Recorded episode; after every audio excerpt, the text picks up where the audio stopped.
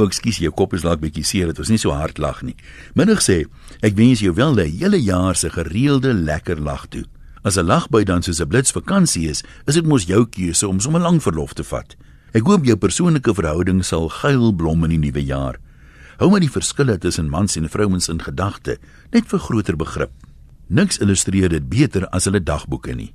Hier is 'n paartjie, Poppy en Spanner, se dagboekinskrywings vir presies dieselfde Saterdag. Poppy skryf: Vandag het ek gedink dat Spanner vreemd optree.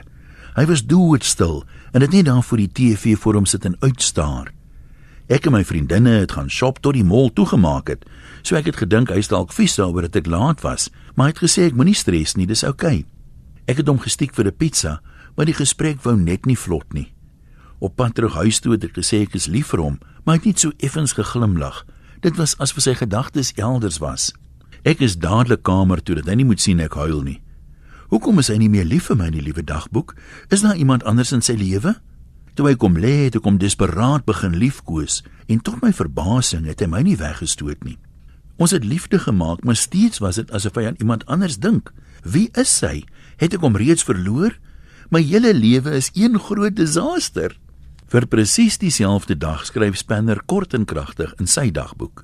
Vandag het die bokke weer verloor. Maar gelukkig het ek darm 'n knippie gekry. Vandag is nuwe jaar, so dalk moet ons 'n bietjie opbouende humor ook insluit. Dis eweveel van toepassing op ons almal. Drie ou vriende loop mekaar op 'n begrafnis raak en hulle begin daaroor gesels dat hulle deesdae meer begrafnisse as troues bywoon. Dan word die laaste ruk nie net in hulle bos gekap nie, sommer in hulle ry ook.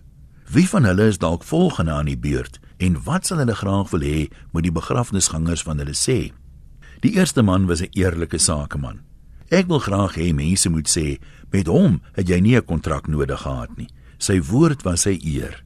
Die tweede ou het steeds sy eerste vrou aangekleef. Ek sal tevrede wees as hulle sê ons groet vandag 'n getroue eggenoot en vader. Maar die derde een was nog nie heeltemal gereed om te gaan nie. As ek daar voor in die kerk in my kus lê en die mense loer so oor die rand om vir oulaas van my afskeid te neem, sal dit wonderlik wees as iemand kan sê: "Kyk, hy beweeg." onthou dat mense jou sal onthou soos jy was.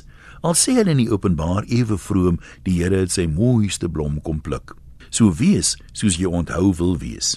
Maak die meeste van elke dag van 2018 en soek redes om te lag sonder grense. Van my een wessels, mooi loop en fyn trap.